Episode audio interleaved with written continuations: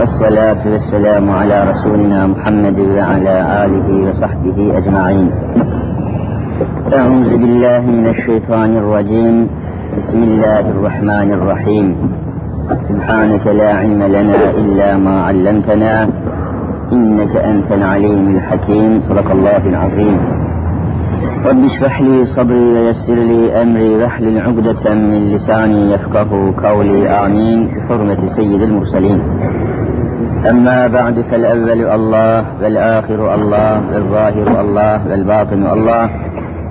فمن كان في قلبه الله فمعينه في الدارين الله. فمن كان في قلبه غير الله فخصمه في الدارين الله.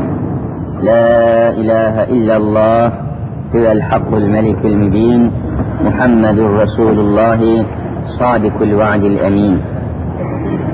Aziz müminler, muhterem Müslümanlar, bugünkü dersimizi de geçen dersten kalan mevzumuzu ve meselemizi tavzih etmeye hasredelim ve yine aynı dersi, aynı konuyu biiznillahü teala devam ettirelim. Hazreti Kur'an müminlere, Müslümanlara çok fazla ehemmiyet veriyor. Geçen derslerde arz ettik. Bütün kıymeti, bütün ehemmiyeti iman üzerinde teksif ediyor ve iman cevheriyle kıyaslanacak hiçbir şey kabul etmiyor. İmanla, imanla, İslam'la kıyaslanacak hiçbir şey, hiçbir husus ve hiçbir unsur kabul etmiyor. İmanı olmayan, mümin sıfatını taşımayan insanların ebedi hüsranda, ebedi cehennem azabı içinde kalacaklarını kesinlikle hiçbir izaha lüzum bırakmayacak çapta kesinlikle haber veriyor. Buna dair bir iki ayeti geçen ders arz etmiştim. Bugün de yine iki ayet arz edeyim ve sonra izahına, tefsirine geçeyim.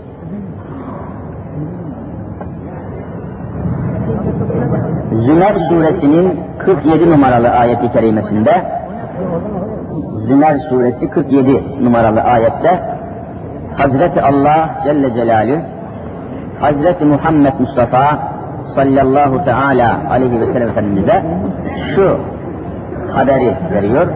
Resul-i Zişanımız da bunu ümmeti Muhammed'e haber veriyor. Estağfirullah. وَلَوْ اَنَّ لِلَّذ۪ينَ ظَلَمُوا مَا فِي الْأَرْضِ جَمِيعًا وَمِثْلَهُ مَعَهُ لَفْتَدَوْا بِهِ مِنْ سُوءِ الْعَذَابِ يَوْمَ الْقِيَامَةِ İlâ ahir ayet.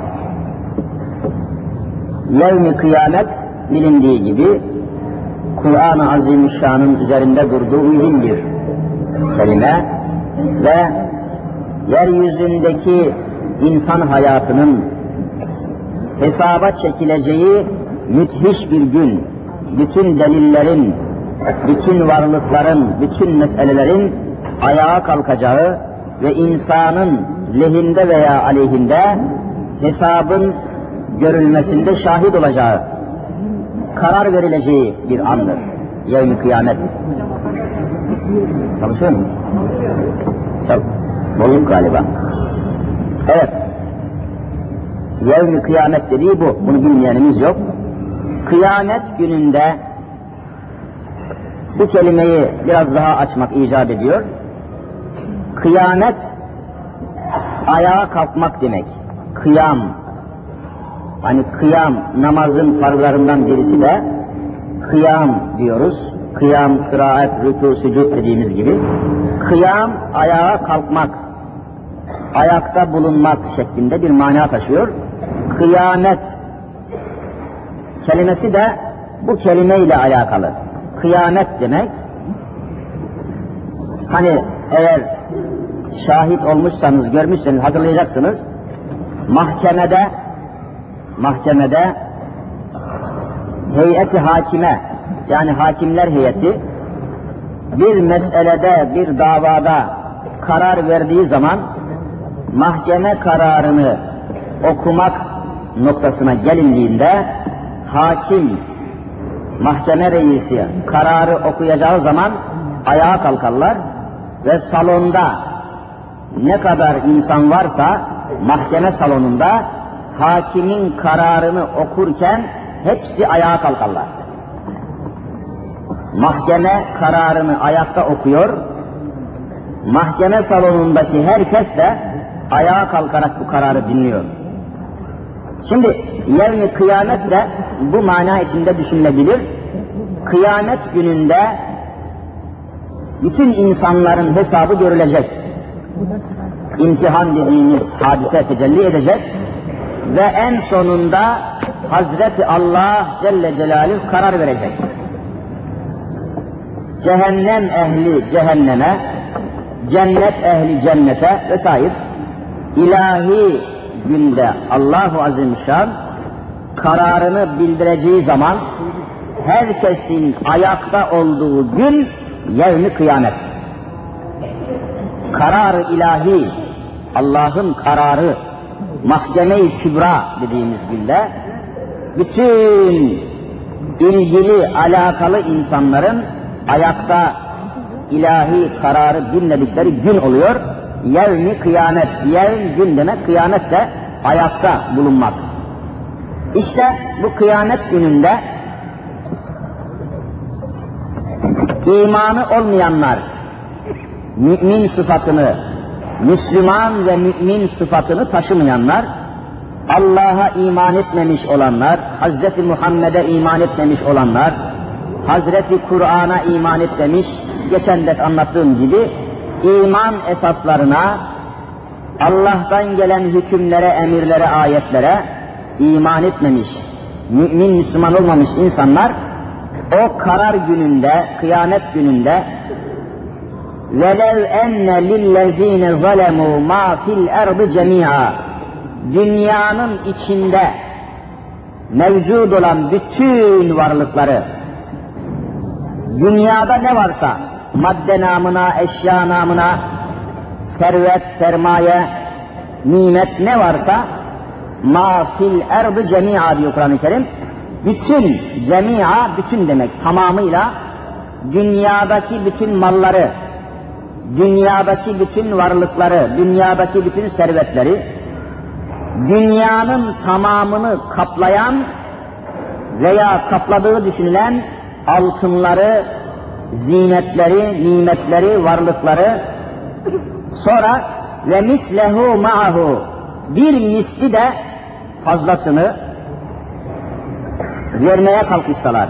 Ne olarak verecekler? Fidye olarak vermeye kalkışsalar. Fidye. Fidye ne demek? Bir musibetten, bir felaketten bir insanın kendisini kurtarabilmesi için o felaketten canını kurtarmak bedeli ve bahası için ödediği şey fidye. Hani bazen işitir duyardık, işte falan zenginin kızını veya oğlunu kaçırırlar, öldüreceğiz derler. Oğlunuzu öldüreceğiz. Dese ki öldürmeyin ne istiyorsunuz dendiği zaman fidye istiyoruz. Şu kadar milyon lirayı falan yere getirirseniz oğlunuzu serbest bırakırız. Fidyeyi verin oğlunuzu kurtarın şeklinde malum hadiselerde fidye böyle anlaşılıyor. Cenab-ı Hak da aynı kelimeyi kullanmış. Leftedev bihi min su'il azab. O kıyamet ve karar gününde ebedi cehennem azabından canını kurtarmak için ebedi azabı ilahiden kurtulmak maksadıyla dünyanın tamamını içine alacak kadar çok olan altını, zineti, nimeti, varlıkları fidye olarak vermeye kalkışsa, hani buna gücü yetse de, bu kadar imkanı olsa da, fidye olarak bunları vermek istese, yine bunları affetmeyecek, ebediyen cehennemden çıkartmayacağım şeklinde Cenab-ı Hak kesin haber veriyor. Zümer suresi 47 numaralı ayettir bu. Tefsir kitaplarından açıklıkla okuyabilirsiniz. Bu demek ki neyi gösteriyor? İmanın ehemmiyetini gösteriyor. İman cevherinin hiçbir şeyle kıyaslanamayacağını gösteriyor. Dünya ile, dünya nimetleriyle, dünya mülkiyetleriyle, eşya ile kıyaslamaya, ölçmeye, tartmaya imkan ve ihtimal bulunmadığını gösteriyor. Demek ki en mühim mesele budur. Aziz müminler, mahşerde veya hesap gününde, kıyamet gününde herkes bütün değerini ve kıymetini imanıyla ortaya koyacak. İmanını yaşadığı kadar, imanını hayatına tatbik ettiği kadarıyla değer bulacak ve huzuru ilahide ancak o nispette kıymet kazanacak. Biliyorsunuz İslam'ın getirdiği anlayışa, imana göre Allah katında hiç kimse malıyla, servetiyle, makamıyla, elindeki imkanlarla ölçülmemiştir. Kalbindeki imanla ölçülmüştür. Kur'an bu hususta da çok açık bir hüküm getirmiş. Bütün insanlığa hitap ederek buyurmuştur. Ya eyyühen nas, ey insanlar! Yani bütün dünya insanlarına Kur'an-ı Kerim hitap ediyor. Bütün dünya insanlarına. Sadece Arabistan'a veya Türkistan'a, şuraya buraya değil, dünyadaki bütün insanlara Kur'an hitap ediyor. Ya eyyühen nas, ey bütün insanlar! Demek ki Kur'an bütün beşeriyete hitap ediyor. Ne diyor? İnna halaknakum min zekerin ve unsa. Sizi Adem isminde bir erkek, Havva isminde bir kadından yarattım sizi. Aslınız budur ve cealnâküm şu'ûben ve kabaile o Adem ile Havva'nın izdivacından yarattım. Sonra da sizi milletlere, kabilelere, kavimlere, köylere, kasabalara ve böyle çeşitli kıtalara, memleketlere ayırdım. Lite'arefu tanışasınız, konuşasınız, birbirlerinizle ticari, siyasi, idari, askeri münasebetler tesis edesiniz.'' Ve dünya üzerinde beşeri bir hayat meydana gelsin diye sizi böyle yarattım, böyle tanzim ettim buyuruyor. Ama bunun yanında kimse malıyla, servetiyle, milyarlarıyla övünmesin, böbürlenmesin, kibirlenmesin. Makamıyla, mevkisiyle kimse kimseye hor bakmasın. Sizi elinizdeki sermayeler, servetler, makamlar, şöhretlerle ben değerlendirmeyeceğim. Benim katımda en değerliniz, en kıymetliniz inne ekremekum indallahi etkakum kalbinde kimin imanı sağlam ve kim de imanını yaşıyorsa ona değer vereceğim. Hani maddeten, iktisaden ve buna benzer imkanlarla insanlığa kafa tutanların halini Cenab-ı Hak gösteriyor. Hani iman esası çok önemli. Cenab-ı Hakk'ın da değer hükmü buradan başlıyor. İnanmadıkça, iman etmedikçe, mümin Müslüman olmadıkça yeryüzünde, öbür alemde hiçbir değeri ifade etmediğini Kur'an haber veriyor. Bu Kur'an'ın ölçüsüdür. Kendimiz bunu kafamda söyleyemeyiz. Hocam sen böyle söylüyorsun ama zamanımızın telakkileri böyle değil. Zaman sana uymazsa sen zamana uyacaksın. Hayır. Böyle bir mazeretle Allah'a gidilmez. Böyle bir düşünceyle yevmi kıyametteki karar ilahiden kurtulunmaz. Kur'an'ın verdiği habere kulak vereceğiz. E şimdi ne diyorlar? Bir adam ne kadar zengin olursa milyonları, milyarları, köşkleri, yalıları, apartmanları, hanları, hamamları olursa o insan o kadar şerefli, o kadar imtiyazlı olur. Bu Allah'ın koyduğu hüküm değil ki bu. Nefsin koyduğu hüküm bu. Nefs dediğimiz şehvetin, şeytanın arzuları tecelli ediyor. Allah'ın hükmü değil bu. Allah'ın razı olduğu taksim değil bu. Bu taksimat insanın kendi keyfinden, arzularından geliyor. Makam, mevki, mal, mülk, sermaye, han, hamam, apartman bunlar sadece bunlar insanları şerefli kılmaya yetmez. Yetmiyor işte. En açık misali Amerika. E şu son zamanlarda Amerikan Cumhur Reisi'nin vurulması münasebetiyle Amerika yeniden gündeme geldi. Amerikan toplumu, Amerikan medeniyeti yeniden günün konusu haline geldi. Raporlar neşredildi, yazılar yazılıyor, halen eleştiriliyor, açıklanı yazılıyor. Bilmem takip ediyor musunuz? Ben zaman buldukça takip ediyorum. Çarşamba günü, yani evvelsi gün Amerikan toplumu ile alakalı bir rapor neşredildi. Günlük bir gazetede. Bende var burada önümde. Amerikan toplumu, Amerikan milleti ve cemiyeti hakkında bir karar, bir rapor. Onların yapısını yansıtan bir rapor. Dışarıdan baktığınız zaman Amerika maddeten kalkınmış bir numaralı devlet. Süper devlet. Güçlü nükleer imkanlara sahip bir devlet. Dünyanın en yüksek binaları Amerika'da. Şu anda Amerika'da New York şehrinde 102 katlı bina var. 102 kat. Bilmem ne, uzay merkezleri, nükleer santrallar, fabrikalar, şirketler, korporasyonlar, müthiş maddi kalkınmasını bütünüyle halletmiş bir millet. Bir devlet gözüyle bakılıyor. Konfor yerinde, lüks yerinde her şey o şekilde ayarlanmış. Maddeten kalkınmış, kalkınmış, kalkınmış. Ama toplum hayatı, iç hayatı, ahlak hayatı bir faciadan ibaret. İşte o günkü rapordan birkaç madde okuyayım size. Polis raporları, emniyet mensupları raporları var. Amerika'da bu kadar kalkınmaya, bu kadar yükselmeye, maddi refaha kavuşmuş olmalarına rağmen gerek can, gerek mal, gerek ırz bakımından korkunç bir düşüş görülmektedir diyor. Amerika'da bir sene içerisinde işlenen cinayetleri hesaplamışlar. O raporda aynen rakam veriyor. Bir sene içinde işlenen cinayetlerin sayısını tespit etmişler. Şu kadar cinayet işlemiş belli rakam var. Tespit edilmiş. Bu işlenen cinayeti aylara bölmüşler. Ayları günlere, günleri saatlere, saatleri dakikalara bölmüşler. Her 24 dakikaya bir cinayet düşüyor her 24 dakikaya bir cinayet isabet ediyor. Resmen rapor var. Sonra yapılan hırsızlıklar, korkunç denecek derecede hırsızlık var. Bunu da hesaplamışlar, adedi yekûnu sayısı belli hırsızlığın bir yılda. Yine günlere, saatlere, saniyelere bölmüşler. Her 10 saniyede bir el soyuluyor. 10 saniyede bir. Rapor var elimizde.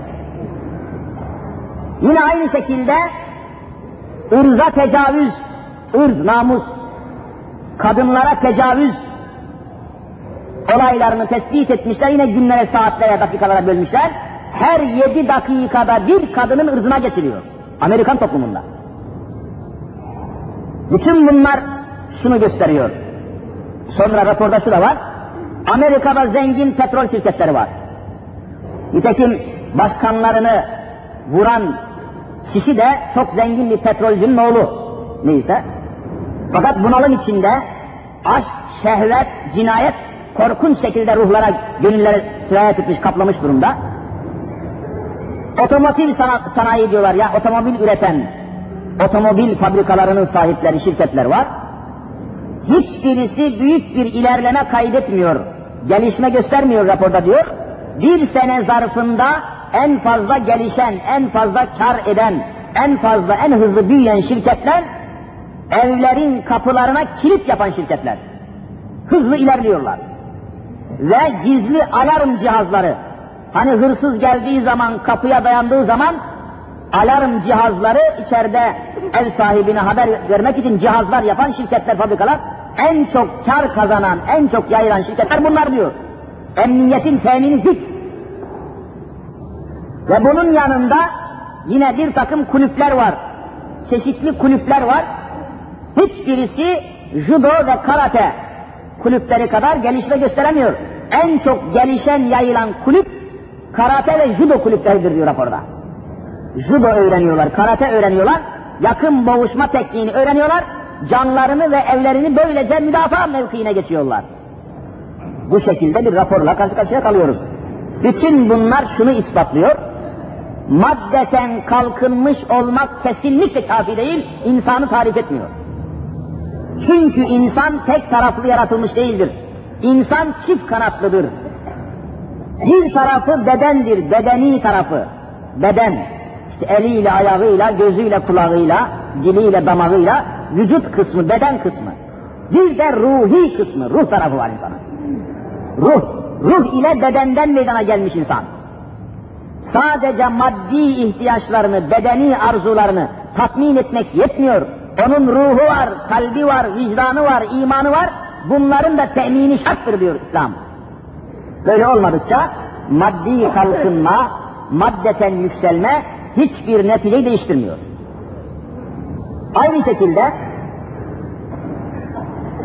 bu fikri ve felsefeyi aksini savunan başka bir görüş, komünizm mesela veya sosyalizm, komünizm biliyorsunuz bu şekildeki toplumun aleyhine bir reaksiyon gösteriyor. Herkes eşit olmalıdır diyor. Herkes eşit olmalıdır bir laf olarak bunu slogan olarak söylüyor. Herkes eşit olması için ne olması lazım? Zenginlerin elindeki fabrikaları, tarlayı, ticareti almak lazım. Kimseye mülkiyet vermemek lazım diyor. Fabrikaların, arazilerin, arsaların, mağazaların, dükkanların sahibi devlet olmalı. Bütün mülkiyetler devletleştirilmeli. Fertler, herkes eşit olmalıdır diyor. Bu felsefeyle aldattı bütün beşeriyeti, komünistler. Bu fikirle aldattı bütün sosyalistler insanlığı. En sonunda 20. asrın sonuna geldiğimiz sırada Polonya'da korkunç bir patlama oldu. Polonya. İşçi devleti, komünist devlet, sosyalist devlettir Polonya. İşçi, orada işçi her şeye hakim. İşçi hakları verilmiş güya. Her arzular yerine gelmiş, parlamento işçilerden kurulmuş. Siyasi iktidar işçi, rejim işçi rejimi şu bu. İşte eşitlik sağlanmış şu falan. Bu propagandaların balon gibi söndüğünü ve Polonya'da işçi sınıfı, proletarya dedikleri işçi sınıfının hiçbir hakka sahip olmadığı, Komünist Partisi'nin üyelerinin ve polislerin, gizli ajanların giremedikleri mağazalar ortaya çıktı, pasajlar. Polonya'da öyle pasajlar, öyle pazarlar yapmışlar ki işçi oraya giremiyor, Komünist Parti üyeleri giriyor oraya. Eşitlik sağlanamamış. Aylardır Polonyalı işçiler hakkımızı verin diye direniş gösteriyorlar. Hakları verilmemiş. Hani sosyalizm eşitlikti, bire kafirler. Hani komünizm eşitlikti, bire zalimler. Polonya korkunç bir balyoz gibi indi tepelerine. Görüşmeler, konuşmalar, didişmeler, fısıltılar, toplantılar hiçbir şey yok. Hemen arkasından dünyanın en zalim, en kafir devleti, komünist Rusya, silahlı kuvvetlerini, askeri birlikleri hazırlıyor. Ey Polonya biraz ileri gidersen tepenek kullanacağım diyor. Hani eşitlik? Efendiler bütün bunlar neyi gösteriyor? Hazreti Allah Celle Celaluhu kesinlikle haber veriyor. Dini İslam'dan başka dünya sulhunu ve saadetini temin edecek hiçbir yol yoktur diyor. Hadis onu gösteriyor. İşte Amerika işte öbür blok. Gönülleri tatmin edemezsiniz. İnsan maddeden ibaret değil sadece. İnsanın bir de ruhu var. Bir de ruhu, ruhu, iç dünyası var. O temin edilmedikçe, onun ihtiyaçları, onun esasları belirtilmedikçe insanlığı mutlu edemezsiniz. Bu da iman ile olur. İşte Cenab-ı Hak kesinlikle iman cevheriyle değerlendiriyor insanı. Bütün kıymetler, bütün ehemmiyetler, bütün üstünlükler iman esasına göre ayarlanmıştır.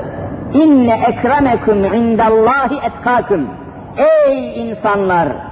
Allah katında en kıymetli olanınız, en imanlı olanınızdır buyuruyor. Ölçü budur. Yoksa eşitlik nerede? İşte Polonya'da işçilerin giremediği pazarlar ve pasajlar var. Dükkanlar var, müthiş mağazalar var, işçi giremiyor. Nerede eşitlik? Komünist partisine üye olanlar en şerefli adam oluyor, öbürleri ahmak oluyor. Dünyanın her yerinde böyle bu. İslam'ın koyduğu ölçü nerede, bunlar nerede? Dini İslam'da biliyorsunuz, devlet reisi bile idare ettiği vatandaşların en fakiri gibi yaşar. Hazreti Ömerül Faruk'u biliyorsunuz, bütün Müslüman devletlerin reisleri hep böyledir. Hazreti Ömer radıyallahu an sırtında bir cübbe giyerdi. Sırtına bir cübbe, bütün kitaplarda var, hepiniz duymuşsunuzdur. O cübbenin üzerinde 40 tane yamalık bulunurdu, yama. 40 yamalı bir cübbe. Ama öyle bir mevkide ki Hazreti Ömer, dünyanın en büyük devletlerinden birisi olan İran'ı, İran tahtını, İran tacını, İran hazinelerini zapt etmiş, İran'ı baştan başa fethetmiş olduğu halde, servet, sermaye, hazine, ganimet yığınları açtığı halde, Hazreti Ömer yaşantısını değiştirmemiş, 40 yamalı abayı indirmemişti sırtından. Niçin böyle yapıyorsun ya Ömer? Niçin böyle geziyorsun, yaşıyorsun dedikleri zaman, İslam'da ölçü, devlet reisi, idare ettiği memleketlerin en fakirinin ceybini gelecek buyururlar. Haset olmasın, fesat olmasın. Gönüllerde bir isyan, bir fesat kaynamasın. Böyleydi. Sonra yine Hazreti Ömer'den şehirleri teftiş ederdi. Kazaları, kasabaları, köyleri teftiş ederdi. ihtiyaçları tespit ederdi. Yemen civarında meşhur bir şehri teftişe gittiğini biliyorsunuz. Bütün kitaplara geçmiş hadise. Cihan tarihinde bir hadise. O şehrin zenginleri, aşiret adamları, ileri gelenleri, erkanı işte Hazreti Ömer'i devlet reisi, emir müminin karşılamışlar, ağırlamışlar, istikbal etmişler ve bir eve misafir etmişler. Buyurun ya emir müminin. Yoldan geldiniz, istirahat buyurun. Derken yoldan geldikleri için hemen bir sofra, bir yemek sofrası hazırlamışlardır. Tarihlere geçmiş. Sofranın üzerinde de o günün en kıymetli Domaz buğday ekmeği. Buğday ekmeği. Bugün Müslümanlar bu bembeyaz buğday ekmeklerini çöp atıyorlar. Çünkü darlık, zorluk, zahmet görmemişler. İslam anlayışı yok bunlarda. Beyaz buğday ekmeği ve bir bal şerbeti konmuş. Buyurun ey müminlerin emiri, yoldan geldiniz, karnınızı doyurun. Demişler ve sofrayı arz etmişlerdir. Bunun yanında Hazreti Ömer rastgele bir adam değil, devlet reisi. Hemen hatırlamış devlet başkanı olduğunu, yüreği sızlamış, ızdırap duymuş, mesuliyet hissi uyanmış ve hemen sormuştur. Nedir bu? Bu ne yemeğidir, neyin nesidir? Sor. Cevap vermişler, efendim bu işte bal şerbeti ve beyaz buğday ekmeği.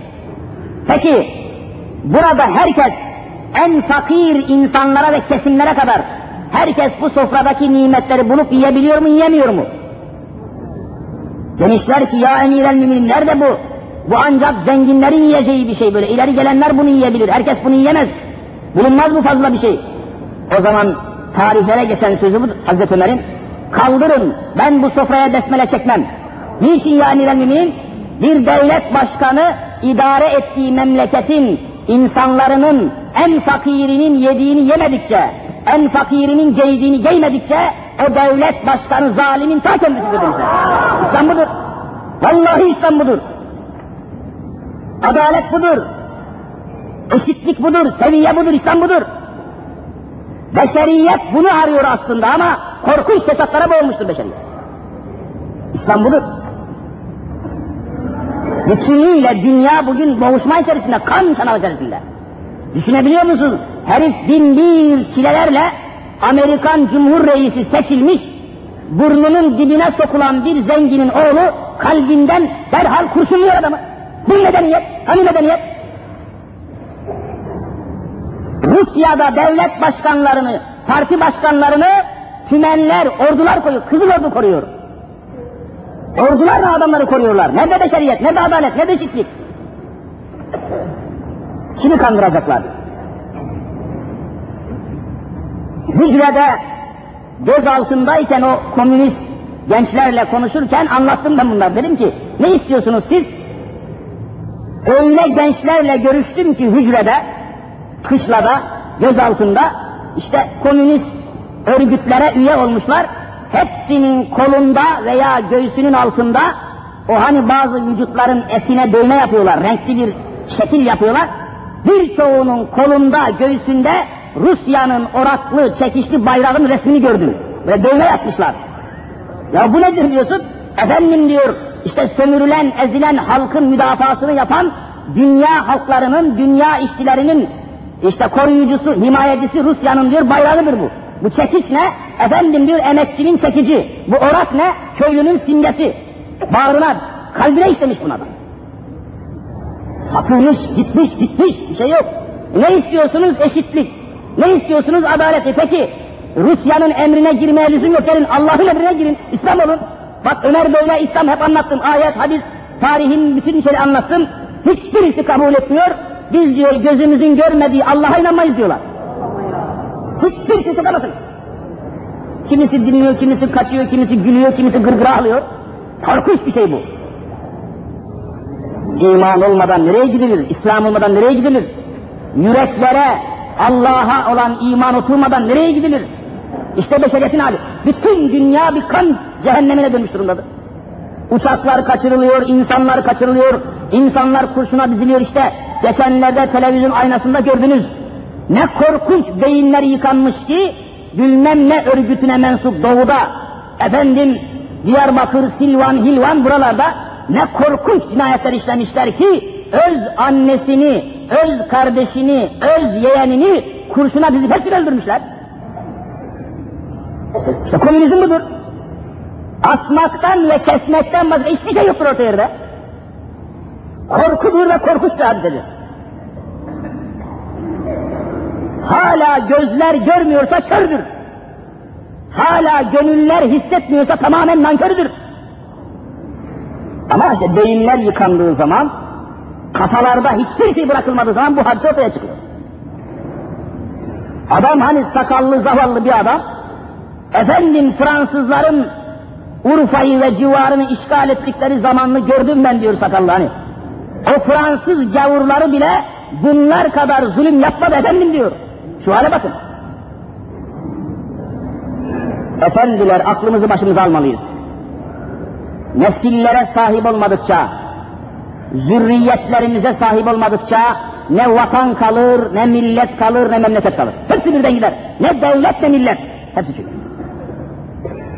Aklımızı başımıza alıp Allah'ın dinine sımsıkı sarılmak lazım. Başka çare yoktur.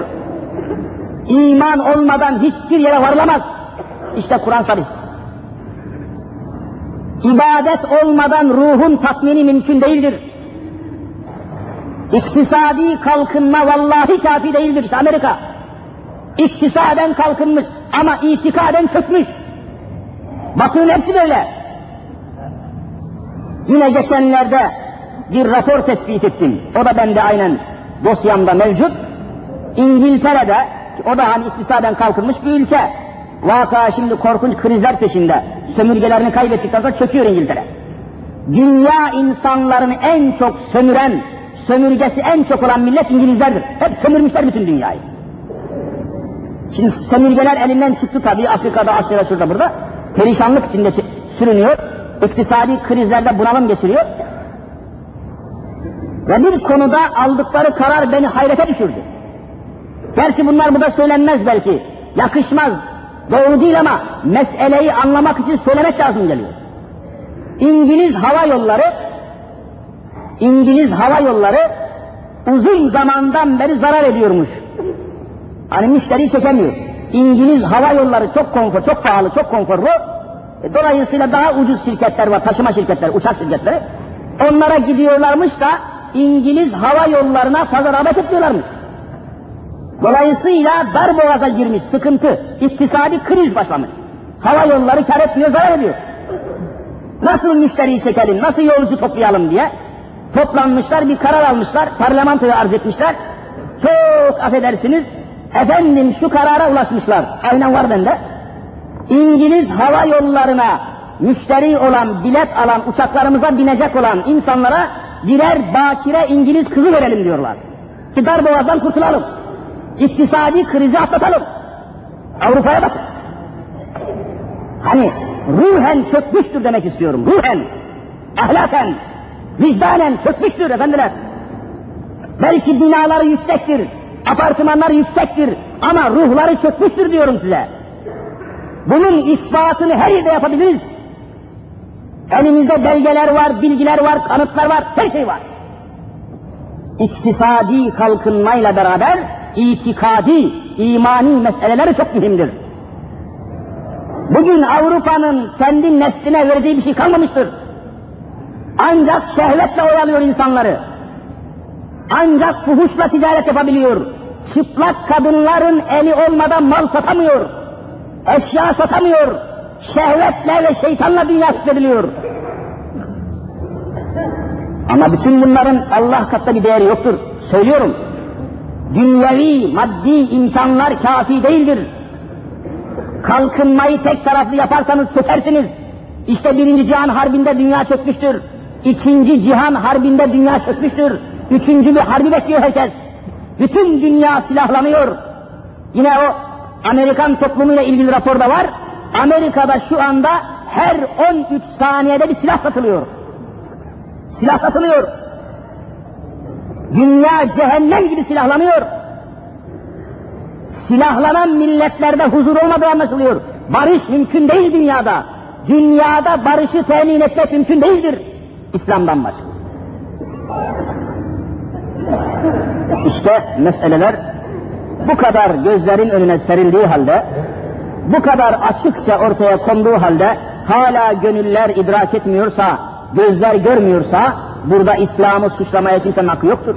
Müslüman uyanık olmalı, Müslüman ahvali bilmeli, etrafını görmeli, sımsıkı birbirine sarılmalı, bölünmemeli, parçalanmamalı, bütünleşmeli, İslam imanını hiçbir şey feda etmemelidir. Başka bir çıkar yol yok.